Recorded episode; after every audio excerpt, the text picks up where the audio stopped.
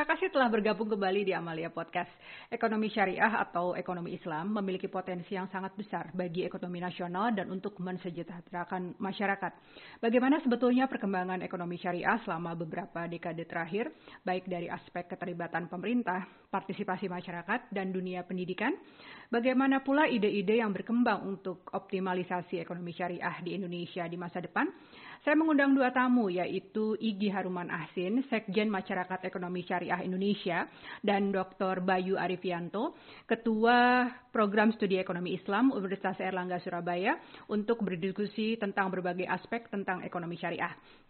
Igi Haruman Asir menyelesaikan S1-nya di Fakultas Ekonomi Universitas Indonesia, lalu S2 pada program Global Leadership Executive MBA, Institut Teknologi Bandung, dan Alto University Finland.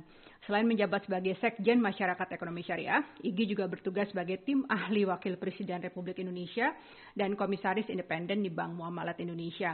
Igi juga masih menjabat sebagai Ketua Bidang Pasar Modal Syariah Dewan Syariah Nasional Indonesia. Igi aktif terlibat dalam industri keuangan syariah karena ikut menjadi pelopor pasar obligasi syariah atau sukuk saat penerbitan obligasi syariah pertama Mudarabah Indosat. Uh, pembicara kedua adalah Dr. Bayu Arifianto, asisten profesor dan koordinator program studi ekonomi syariah, Fakultas Ekonomi dan Bisnis Universitas Airlangga, dengan peminatan riset dalam bidang perbankan, keuangan, dan microfinance Islam.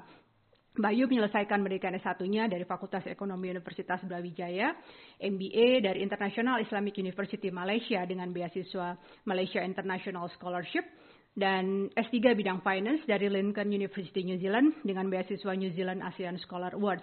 Dr. Bayu juga pernah menjadi visiting lecturer di Nimar, Maroko. Beberapa artikelnya telah dipublikasikan di beberapa jurnal antara lain Pacific Basin Finance Journal, Journal of Islamic Marketing, dan International Journal of Islamic and Middle Eastern Finance and Management. Simak perbincangan kami berikut ini.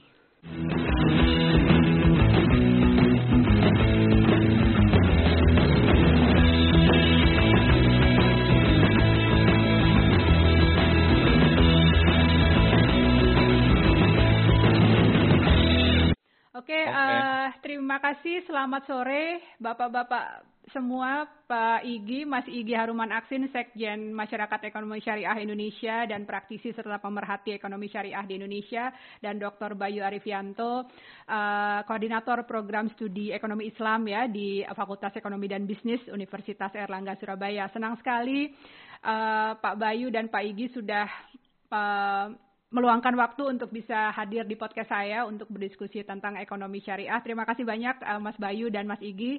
Semoga sehat selalu ya kondisi di Indonesia, di Jakarta dan di uh, Surabaya, Mas. Amin. amin. Amin. Oke, ini sebelumnya senang sekali karena dua-duanya nih sahabat lama saya, sahabat baik saya, Pak Igi ini, Mas Igi. Dulu kita bareng-bareng di Singapura ya, Mas Igi ya. Ya, betul. suka makan nasi lemak bareng dulu di Fongseng kalau kelaparan malam-malam. dulu pernah satu program nih Mas Bayu di uh, Singapura International Fellowship Program, Mas. Tapi Mas Igi di NTU, saya di NUS. Uh, nah Mas Igi memang saya tahu dari dulu passionnya, uh, semangatnya untuk uh, di kajian ekonomi Islam ini sudah luar biasa karena skripsinya itu sampai dibukuin loh gitu. Dulu kalau saya kan mungkin targetnya lulus saja gitu, yang penting bagus dapat A. Mas Igi ini udah dibukuin loh skripsinya dari dulu jadi luar biasa. Nah kalau Mas Bayu, Dr. Bayu Arifianto juga saya kenal waktu uh, saya kuliah di uh, S3 di uh, New Zealand. Saya dulu di University of Canterbury, uh, Mas Bayu di uh, Lincoln University New Zealand ya, Mas Bayu ya. Mas Bayu juga punya passion yang luar biasa terhadap studi ekonomi Islam khususnya. Waktu itu tesisnya tentang microfinance ya, uh, Mas Bayu yeah, ya. Microfinance. microfinance dan juga sering diminta pendapatnya tentang uh, berbagai kebijakan ekonomi syariah di Indonesia. Nah, jadi gini nih Mas Bayu dan Mas Igi ya, di beberapa waktu terakhir kayaknya kan cukup banyak nih headline uh, berita gitu atau wacana di masyarakat yang berkembang tentang ekonomi syariah, terutama uh, setelah uh, diangkatnya Bapak Maruf Amin sebagai Wakil Presiden Indonesia yang juga membawa angin segar ya bagi perkembangan ekonomi syariah di Indonesia. Apalagi di situ Mas Igi juga gabung sebagai salah satu tim ahlinya Pak Wapres. Dan tentunya dalam bidang akademik pun Mas Bayu merasakan hal yang hampir sama gitu kan bagaimana perkembangan ekonomi Islam ini semakin vibrant gitu di Indonesia. Nah mungkin pertanyaan saya uh, untuk Pak dosen dulu ya, uh, karena mungkin beberapa pendengar podcast saya kan masih di tahap awal untuk belajar tentang ekonomi syariah, termasuk saya juga sih sebetulnya. Saya juga masih harus baca-baca banyak banget nih ya. Nah, uh, sebetulnya apa sih prinsip dasar dari dijalankannya ekonomi syariah ini, uh, Mas Bayu? Apakah ada prinsip-prinsip ekonomi yang bersifat universal dalam ekonomi syariah yang dapat juga diterima oleh masyarakat non-muslim? Ya, terima kasih Mbak Amalia. Senang sekali bisa join dengan Mbak Amalia lagi ya. Setelah sekian lama dan iya. sekarang sudah menetap di Sydney. Ya, untuk yang pertama tadi dan juga kepada Pak Igi ya. Uh, salam kenal Pak Igi dan salam hormat. Tadi terkait dengan yang pertama, yang prinsip universal tentunya banyak sekali ya. Okay. Di ekonomi syariah atau ekonomi Islam atau ekonomi partisipatif banyak sekali namanya. Hmm. Kalau di Indonesia kita lebih kenal ekonomi syariah, kalau okay. di luar Islamic ekonomi, kalau di Maroko mungkin ekonomi yang partisipatif okay. ya. Uh, jadi yang pertama adalah untuk mencari kemenangan atau kebahagiaan dunia dan akhirat okay. gitu ya falah mencapai falah tentunya mm-hmm. dan prinsipnya tentunya ada prinsip keadilan kesejahteraan kita tahu juga di ekonomi syariah ekonomi Islam ada Islamic social finance mm-hmm. jadi orang dipaksa untuk mengeluarkan zakat gitu kan okay, kalau sudah yeah. uh, tercapai nisab dan haulnya jadi saya rasa sangat universal dan juga di sisi akademis itu mahasiswa tidak hanya yang muslim saja hmm. yang mengikuti pendidikan atau mengambil bidang ekonomi Islam. Saya masih ingat waktu di Malaysia di AIUM bahkan yang non muslim gitu ya, yang sudah senior, yang sudah menjadi CEO karena waktu itu saya di kelas MBA ya, itu juga mengambil program MBA Islamic Banking and Finance. Kemudian saya waktu mengajar di Maroko, itu mahasiswa dari Jerman, kebetulan datang di summer school di sana juga ateis bahkan, hmm, jadi non muslim. Okay. Kemudian waktu saya kembali ke Unair dan mengundang summer school datang dari New Zealand itu ya, dua batch itu, dekannya memang request untuk ada program tentang Islamic Economics. Jadi sekarang sudah terbuka untuk semua sih, karena industrinya juga sudah ada. Okay. Namun nilai-nilainya itu yang kita harus tetap jaga. Hmm. Jadi values dari Islamic Economics bahwa intinya adalah ini bisa memenuhi memenuhi keinginan dari umat muslim karena sebagai salah satu jalan untuk memenuhi jasa keuangan misalnya mm -hmm. karena mereka tidak bisa menggunakan yang konvensional dan kita tahu bersama sudah uh, apa banyak umat muslim ya terutama di Indonesia yang sadar akan hal ini. Okay. Kemudian di dunia akademik di kampus juga sudah sangat banyak sekali sekarang kampus-kampus yang punya program studi mm -hmm, ekonomi betul. Islam, perbankan yeah. syariah atau bisnis Islam bahkan di kampus-kampus top juga dan peminatnya juga uh, sangat banyak. Apalagi sekarang didukung oleh pemerintah ini lewat Pak Igi dan juga Pak Wapres kita nah, sudah mulai top down dari pemerintah gitu ya. Kalau hmm. di dulunya kita masih bottom up, nah sekarang kita sudah mulai dari dari pemerintah. Mungkin itu dulu Mbak. Oke, oke. Okay, okay. Nah, Mas Bayu dari interaksi dengan uh, sesama kolega ataupun mahasiswa yang uh, bergabung di kelas Mas Bayu, khususnya di kelas-kelas internasional mungkin ya. Apa sih uh, motivasi mereka untuk mempelajari lebih jauh ekonomi syariah ini, Mas? Banyak sih ya okay. motivasinya. Ada yang memang ya terkait industrinya sudah Masih, mulai okay. berkembang, sudah settle. Jadi ingin mengetahui kalau yang dari uh, seperti New Zealand itu ingin melakukan ekspor impor misalnya ya, bisnis kan kita tahu bersama ekosistemnya juga terkait dengan halal industri ya. Betul. Karena halal industri terkait dengan finance, food, kemudian tourism, -hmm. kosmetik, -hmm. pharmaceuticals, -hmm. jadi uh, banyak hal.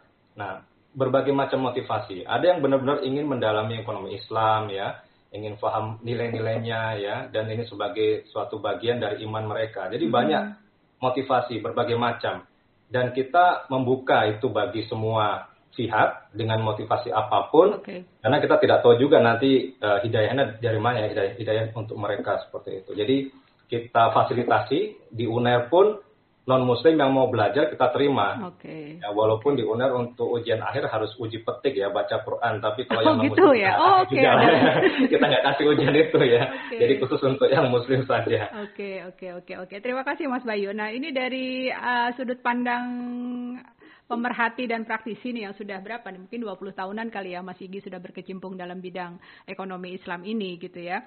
Uh, Bagaimana Mas Igi memandang perkembangan ekonomi syariah di Indonesia ini Mas khususnya mungkin dalam bentuk dukungan pemerintah karena Mas Igi beberapa tahun terakhir uh, kelihatannya uh, cukup ini ya cukup uh, bersentuhan dengan cukup dekat gitu dengan uh, dengan uh, kalangan pemerintah Mas. Ya Mbak uh, Lia ya, memang kalau ditanya bagaimana apa tadi misal prospeknya gitu ya. Mm-mm, untuk dukungan ya, dari pemerintah ya. ya. Dukungan dari pemerintah. Eh, dukungan pemerintah itu sebetulnya juga bagian dari respon okay. atas prospek yang ada. Okay. Hmm. Nah, prospeknya itu ya cerah itu. Hmm. Walaupun ini belakangan di Jakarta lagi mendung nih. Nah, tapi kalau prospek ekonomi syariah, insya Allah itu tetap cerah basis pertimbangannya ya memang memang seperti klasik memang ya bahwa penduduk eh, mayoritas muslim itu kita apa mayoritas penduduk kita itu adalah yang terbesar okay. di seluruh penjuru dunia iya. ini. Nah, orang suka salah bahwa eh, pusat Islam itu di Arab Saudi gitu ya.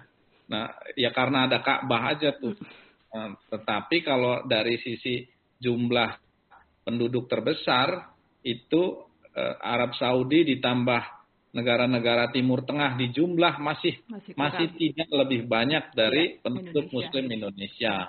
Bahkan negara-negara uh, lain pun kalau digabungin gitu ya, misal Pakistan itu sebagian India gitu itu juga masih belum Mesir masih belum masih belum lebih besar dibandingkan kita.